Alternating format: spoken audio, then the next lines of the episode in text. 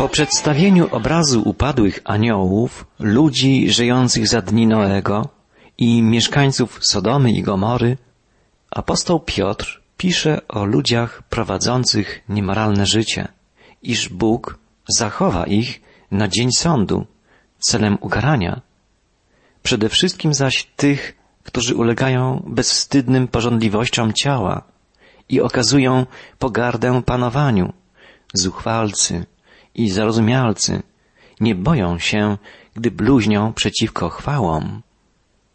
Tak czytamy w dziesiątym wierszu drugiego rozdziału drugiego listu Piotra. Apostoł kilkoma celnymi wyrażeniami wskazuje na cechy tego, kto jest złym człowiekiem. Jest to człowiek, po pierwsze, zdominowany przez porządliwości. Jego życie jest opanowane przez porządliwości cielesne. Człowiek taki jest winny dwóch grzechów. Po pierwsze, każdy człowiek posiada dwie strony swej natury. Jedną z nich jest strona fizyczna, jego instynkty, namiętności, impulsy, wspólne dla wszystkich stworzeń. Instynkty te są dobrą rzeczą, jeśli zajmują należne sobie miejsce. Są one nawet konieczne dla zachowania życia jednostki i przetrwania gatunku. Słowo temperament, o czym nie wszyscy wiemy, znaczy inaczej miksturę. Mikstura to temperament. Natura ludzka składa się z wielu różnych składników zmieszanych ze sobą. Jakość tej mieszanki zależy od właściwej proporcji jej składników. Jeżeli któryś z nich występuje w nadmiarze czy w mniejszej ilości, to mieszanka ta nie posiada odpowiednich właściwości. Człowiek posiada naturę fizyczną, ale także naturę duchową. I dojrzałość zależy od właściwego ich ułożenia. Człowiek zdominowany przez porządliwości zbytnio poddaje się swej zwierzęcej naturze. Jego składniki zostały dobrane nieproporcjonalnie i stąd powstała niewłaściwa recepta na dojrzałość. Przyczyną takiego zachwiania proporcji jest egoizm. Źródłem tego zdominowanego przez porządliwości życia jest przekonanie, że najważniejszą rzeczą jest zaspokojanie swoich własnych pragnień i wyrażanie swoich własnych uczuć. Znika wszelki szacunek i troska o innych. Samolubstwo i porządliwość dotrzymują sobie kroku. Człowiek zły przyzwala jednej stronie swojej natury na odgrywanie większej roli niż powinna ona odgrywać. Czyni to na bazie własnego egoizmu. Dalej apostoł Piotr stwierdza, iż człowiek zły to człowiek zuchwały. Znajdujemy tu greckie wyrażenie tolmetes w oryginale listu. Pochodzi ono od czasownika tolman, odważać się. Istnieją dwa rodzaje odważania się, dwa rodzaje śmiałości. Może być śmiałość rzeczą szlachetną, może być cechą prawdziwej odwagi, ale jest również śmiałość zła. To bezwstydne postępowanie jako afront wobec uczciwości i prawości. W jednym z dramatów Szekspira czytamy o człowieku, który mówi Ośmielam się na wszystko, stając się człowiekiem. Kto waży się na więcej, jest nikim. Zły człowiek ma odwagę świadomie sprzeciwiać się woli Boga. Jest to, jak pisze dalej Piotr, człowiek samowolny. Wyrażenie to nie oddaje w pełni treści zwrotu, który znajdujemy w oryginale listu. Greckie słowo autades pochodzi od autos, sam, i hadon, przyjemność. Określa człowieka, który nie ma pojęcia o czym innym, jak tylko o dogadzaniu sobie samemu. W wyrażeniu tym tkwi pojęcie zawziętości. Jeżeli ktoś jest autades, to nie przekonają go żadne argumenty logiczne, ani zdrowy rozsądek, żadne apele, ani poczucie przyzwoitości nie powstrzymają go od jego zamiarów. Uparcie będzie obstawał przy swoim zdaniu albo domagał się własnych praw. Człowiek taki nie liczy się z prawami, opiniami czy interesami innych ludzi. Człowiek, będący autades, uparcie i arogancko, a nawet brutalnie, kroczy własną drogą. Zły człowiek nie zwraca uwagi na apele ze strony ludzi ani na boskie przewodnictwo. I w końcu człowiek ten pogardliwie odnosi się do aniołów, pisze apostoł. Zły człowiek uważa, że żyje w jedynym świecie. Nie istnieje dla niego świat duchowy. Nie słyszy on stamtąd żadnych głosów. Jest istotą ziemską, doczesną. Zapomniał o istnieniu nieba i jest zupełnie ślepy i głuchy duchowo. A więc człowiek zły jest to człowiek samowolny, egoistyczny, zdominowany przez porządliwości, zuchwały i ślepy duchowo. Niestety w naszym współczesnym społeczeństwie nie brak ludzi, do których pasuje ten przerażający obraz wyrysowany w drugim rozdziale drugiego listu Piotra. Apostoł Piotr tak dalej opisuje ludzi złych, niemoralnych. Czytam od dwunastego wiersza. Oni natomiast, jak bezrozumne zwierzęta, zrodzone zgodnie z naturą, po to by je łapano i zabijano, bluźnią przeciwko temu, czego nie znają. Podobnie jak one zostaną zgładzeni i otrzymają karę jako zapłatę za niesprawiedliwość. Uznają za przyjemność w dzień folgować sobie. Zakały i plugawcy pławią się w swoich zdradliwych rozkoszach, gdy ucztują z wami. Oczy ich wypatrują cudzołożnych kobiet i nie są syte grzechu. Zwodzą dusze słabe, mają serce wyćwiczone w chciwości, synowie przekleństwa. Apostoł rozpoczyna tę dłuższą wypowiedź poświęconą uwypukleniu cech charakteru ludzi przewrotnych od bardzo ostrych słów. Jego płomienne słowa wyrażają głębokie oburzenie taką postawą ludzi. Ludzie źli podobni są do dzikich zwierząt, zwierząt opanowanych przez swoje instynkty. Zwierzęta te są jedynie po to, aby je chwytać i zabijać, pisze Piotr. Cielesne porządliwości są czymś, co prowadzi do samozagłady. Jeżeli tego rodzaju porządliwości stają się celem życia, to taka postawa jest samobójstwem. I w końcu traci się nawet porządliwość. Traci się wszystko. Apostoł Piotr podkreśla tu odwieczną prawdę. Jeżeli człowiek poddaje się cielesnym porządliwościom, to w końcu staje się taką ruiną w zakresie zdrowia, duszy i umysłu, że nie może się już niczym cieszyć. Żarłok na przykład zniszczy swój apetyt. Pijak zrujnuje swoje zdrowie. Lubieżnik okaleczy ciało i psychikę. Człowiek pobażający sobie traci swój charakter i pokój umysłu. Ludzie tacy uważają codzienną rozpustę, hulaszcze biesiadowanie i wesołe zabawy za przyjemność. Są hańbą chrześcijańskiej społeczności, podobni do plam na zwierzęciu, które czynią je nie nadającym się do złożenia na ofiarę Bogu. Tak dosłownie pisze Piotr. Jeszcze raz musimy podkreślić, że wszystko to, co apostoł pisze, jest nie tylko religijną prawdą, ale również jest zgodne ze zdrowym rozsądkiem. Przyjemności cielesne zawsze pociągają za sobą nieuniknione skutki. Z czasem tracą one na atrakcyjności i dlatego stopniowo ilość wrażeń musi wzrastać, by zaspokoić to samo pragnienie. Luksus domaga się coraz większego luksusu. Wino musi płynąć coraz obficiej. Coraz więcej starań czyni się po to, by zaostrzyć i wzmóc podnietę. A ponadto człowiek coraz mniej cieszy się tymi przyjemnościami. Oddał się życiu bez przyszłości i przyjemnościom prowadzącym do cierpienia, przynoszącym pustkę. Apostoł Piotr idzie dalej. Używa wyjątkowego wyrażenia, które nie da się dokładnie przetłumaczyć. Przetłumaczone ono zostało na język polski jako oczy ich wypatrują cudzołożnic. wypatrują cudzołożnych kobiet. Grecki tekst w oryginale listu oznacza dosłownie posiadają oczy pełne cudzołożnic, a więc patrzą na każdą kobietę jak na potencjalną cudzołożnicę i zastanawiają się jedynie, jak skłonić ją do zaspokojenia swoich pożądliwości.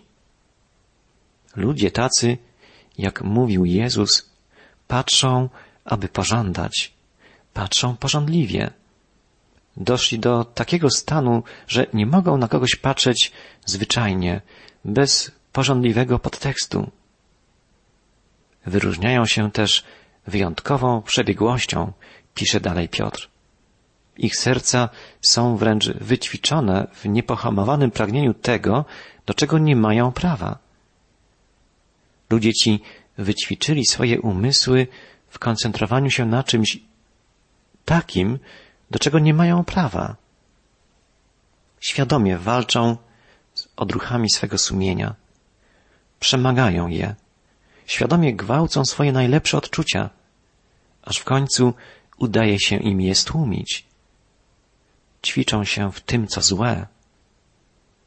W tekście, który czytamy, jest jeszcze zawarty jeden zarzut. Jest źle, gdy ludzie zwodzą jedynie siebie, ale jest gorzej, kiedy zwodzą oni innych. Wprowadzają oni w pułapkę innych ludzi, także wierzących. Każdy człowiek musi nieść brzemię odpowiedzialności za własne grzechy. Ale jeżeli doda się do tego odpowiedzialność za grzechy innych, wtedy brzemię to jest ogromne. Ludzie niemoralni, źli sieją zniszczenie, gubią siebie i gubią także innych. Jeszcze jednego porównania używa apostoł Piotr, opisując ludzi bezbożnych. Pisze, jak czytamy w piętnastym i szesnastym wierszu drugiego rozdziału. Zeszli z prostej drogi, zbłądzili, podążając drogą Balaama, syna Bosora, który umiłował zapłatę za niesprawiedliwość. Za swoje przestępstwo został jednak skarcony. Juczne, nieme zwierzę, gdy przemówiło ludzkim głosem, powstrzymało proroka przed popełnieniem szaleństwa. Apostoł, pisząc o przewrotności ludzi sobie współczesnych, wskazuje na przykład Balaama. W myśli żydowskiej Balaam stał się typem wszystkich fałszywych proroków. Jego historię znajdujemy w czwartej księdze Mojżeszowej, w księdze liczb. Król Moabu, Balak, niepokoił się coraz bardziej zdecydowanym zwycięskim pochodem Izraela. Aby mu zapobiec, prosił Balaama o przybycie i wypowiedzenie klątwy na Izraelitów. Oczywiście za sowitą nagrodą. Balaam początkowo wstrzymywał się od wypowiadania przekleństwa na Izraelitów, ale jego serce zapragnęło zaproponowanej nagrody. Kiedy król Balak ponowił prośbę, Balaam wyruszył w drogę, ale w drodze jego osioł znarowił się i nie chciał iść dalej. Zobaczył bowiem anioła pańskiego, zagradzającego im drogę i zaczął upominać Balaama. Postać Balaama jest jedną z najbardziej skomplikowanych postaci Biblii. Trudno ocenić do końca, czy był on Bożym prorokiem, czy tylko wieszczem. Czy naprawdę słuchał głosu Pana i czy był mu posłuszny, czy też postępował wyłącznie według własnego interesu. Są w Biblii postaci kilka tysięcy ludzi, których Duch Święty, autor Biblii, opisuje bardzo jednoznacznie, bardzo wyraźnie, rysując ich pełny portret osobowościowy, ich charakter, ich poglądy, a przede wszystkim ich profil duchowy, ich stosunek do Boga. Jest jednak w Piśmie Świętym kilka sylwetek ludzi, którzy pozostają dla nas zagadką. Nie do końca potrafimy je rozszyfrować. Trudno nam zrozumieć te postacie. Ich prawdziwą naturą jak gdyby jest coś tajemniczego, jakby okrywał je mrok. Są charakterami skomplikowanymi, niejasnymi, enigmatycznymi. Takimi postaciami są na przykład Kain, Ezaf, Samson, Saul, czy w Nowym Testamencie Judasz. Balaam jest jedną z tych nie do końca zrozumiałych dla nas postaci. Niektórzy komentatorzy biblijni uważają, że był on prawdziwym prorokiem, że przekazywał słowo pańskie. Inni natomiast oceniają go jako wieszcza, dbającego tylko o swoje interesy. Warto próbować zrozumieć tę kontrowersyjną postać. Zachęca nas do tego sama Biblia. W Starym Testamencie, w proroctwie Michała czytamy, że powinniśmy baczyć na tę postać, by poznać sprawiedliwe dzieła pańskie. Kilkakrotnie wspomina o Balaamie także Nowy Testament. W drugim liście apostolskim Piotra czytamy o drodze Balaama. W liście Judy czytamy o błędzie Balaama, a Księga Apokalipsy mówi o doktrynie Balaama. Początkowo Balaam postępował właściwie, pytał Boga o jego wolę i przekazywał innym jego słowo. Ale potem zaczął kluczyć, grał na zwłokę. Zamiast zdecydowanie powiedzieć, że nigdy nie wypowie przekleństwa przeciwko ludowi Bożemu, udawał, że nie jest pewien, co robić i twierdził, że musi nadal pytać Boga o Jego wolę, choć wolę tę znał doskonale. Bóg przecież powiedział mu wyraźnie, gdy przybyli do niego wysłannicy króla moabskiego, nie możesz iść z nimi. Dlaczego więc Baalam zatrzymywał Moabitów, rozmawiał z nimi wielokrotnie, pertraktował, targował się? Może liczył na to, że następnym razem Bóg nie zamknie przed nim zdecydowanie drzwi, że będzie mógł włożyć w uchylone drzwi stopę, a skoro już jedną nogą będzie w drodze, będzie to znaczyło, że może iść z Moabitami, że może wyciągnąć rękę po złoto i srebro króla moabskiego. Czy my czasem nie postępujemy podobnie? Czy czasem nie staramy się dopasować Bożej woli do naszych planów? Gdy nalegamy i bardzo o coś prosimy, mimo że Bóg mówił od początku nie, to uwaga, Bóg czasem dopuszcza, by stało się tak, jak chcemy. Pamiętamy, jak Izraelici domagali się od Boga rzeczy, które Bóg im po ich naleganiu i narzekaniu dał, ale nie przyniosły im one szczęścia. Na przykład Izraelici wymogli, by Bóg dał im króla. I wiemy, jak potoczyła się historia Saula. Bóg czasem dopuszcza, by stało się to, o co usilnie zabiegamy. Zawsze jednak w takich przypadkach przekonujemy się, że lepiej byłoby, gdybyśmy od początku szukali Bożej woli i gdybyśmy od razu Boga usłuchali. Bóg powiedział, dobrze, Balaamie, chcesz tam iść, więc idź, ale pamiętaj, mów tylko to, co ja ci rozkażę. Pamiętaj o tym, bądź ostrożny. Bóg nie postąpił tak jedynie w przypadku Balaama. Znajdujemy w Biblii opis innych sytuacji, w których Bóg postąpił podobnie.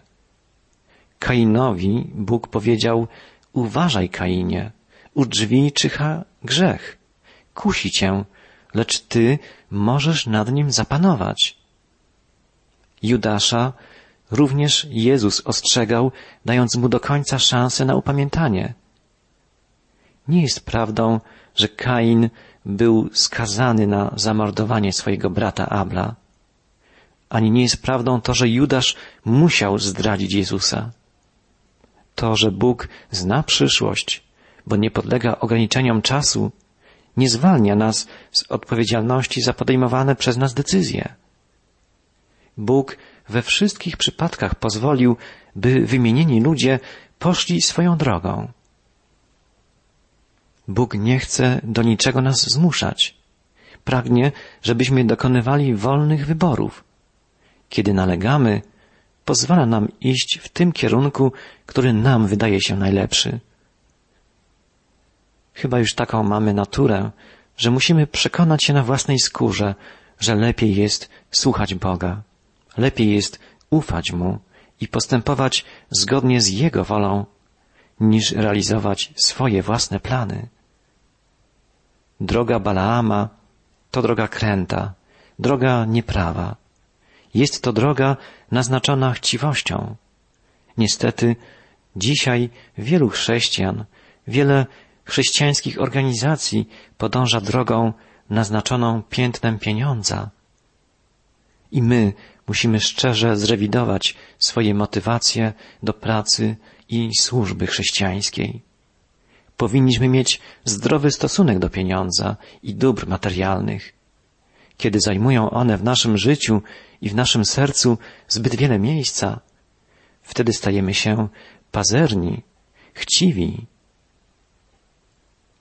Balaam był chciwy. Choć nie przyjął w końcu złota Balaka, to jednak bardzo go pożądał. Źli ludzie w czasach apostoła Piotra wyróżniali się podobną chciwością. Swoje członkowstwo w kościele uważali za środek do powiększania własnych zysków. Chciwość prowadzi do upadku, do klęski. Ludzi podobnych do Balaama czeka wieczne potępienie. Wystrzegajmy się chciwości. Wystrzegajmy się wszystkiego, co czyni nas niewolnikami zła, co sprawia, że stajemy się niewolnikami swojej własnej grzesznej natury. Musimy w pełni to sobie uświadomić, że prawdziwą wolność, wolność od grzechu, od egoizmu, zła, śmierci, może nam dać tylko Jezus Chrystus. On, zmartwychwstały Pan, mówi, jeśli ja was wyswobodzę, prawdziwie wolnymi będziecie.